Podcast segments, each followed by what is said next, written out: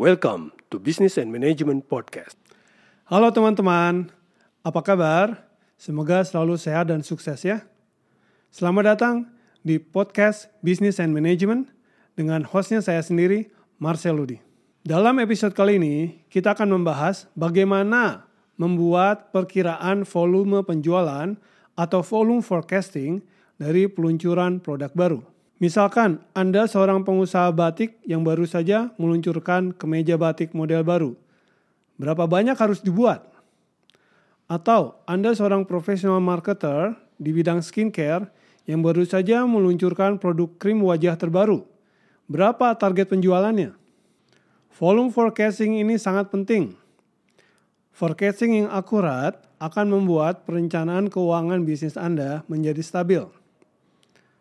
Forecasting yang berantakan biasanya akan berakhir dengan supply issues. Bisa jadi Anda malah tidak punya cukup produk untuk dijual karena forecastnya terlalu rendah. Atau sebaliknya, forecastnya ketinggian sehingga Anda memproduksi terlalu banyak barang, akhirnya barang jadi numpuk menghabiskan cash Anda yang seharusnya bisa diputar untuk membayar biaya operasional. Kedua senario itu harus dihindari dengan membuat volume forecasting yang lebih akurat. Prinsip volume forecasting sendiri sebetulnya sangat sederhana. Ada tiga keywords yang perlu kita ingat selalu dalam konteks volume forecasting. Awareness, trial, and repeat. Mari kita bahas satu persatu. Awareness. Berapa banyak sih orang yang tahu mengenai produk Anda? Awareness ini sangat basic. Tanpa awareness, tidak ada yang beli produk Anda. Kalau tidak ada orang yang tahu Anda jualan produk tertentu, bagaimana mungkin mereka akan membeli? Jadi awareness langkah pertama yang harus dipenuhi dulu. Kemudian trial atau penetrasi pasar. Dari sekian banyak orang yang sudah aware, sudah tahu tentang produk Anda, berapa persen dari mereka yang mau mencoba, at least paling tidak sekali saja, sekali saja membeli produk Anda. Itu namanya trial. Kemudian yang terakhir adalah repeat. Dari sekian banyak orang yang mencoba paling nggak satu kali dari produk Anda, berapa banyak yang repeat buying, berapa banyak yang membeli lagi untuk yang kedua, ketiga, dan seterusnya. Ya. Repeat consumer inilah yang di masa berikutnya akan menjadi consumer base Anda, yang akan menjadi pelanggan setia Anda. Mari kita lihat contohnya. Katakanlah Anda mengincar 100 juta orang populasi di teritorial tertentu, di wilayah tertentu, di provinsi tertentu, atau di negara tertentu. Dari 100 juta orang populasi itu, ternyata hanya 10 juta orang yang tahu atau aware tentang produk Anda. Artinya, awareness levelnya hanya 10%.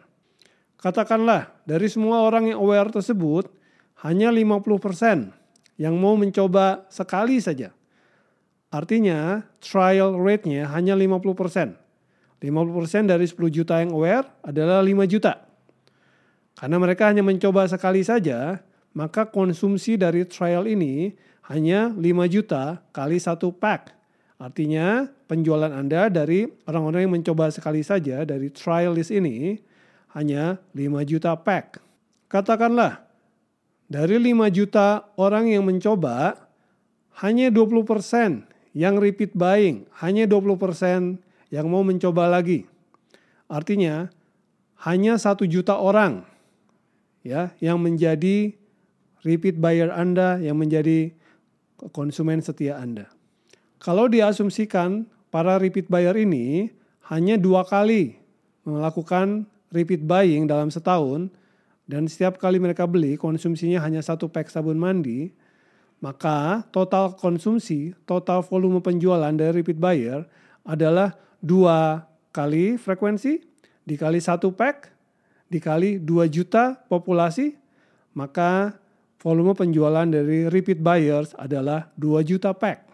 Jadi total penjualan adalah yang pertama dari orang-orang yang mencoba hanya sekali, yaitu 5 juta pack, ditambah penjualan dari orang-orang yang repeat buying 2 juta pack. Sehingga total penjualan dalam setahun adalah 7 juta pack sabun mandi.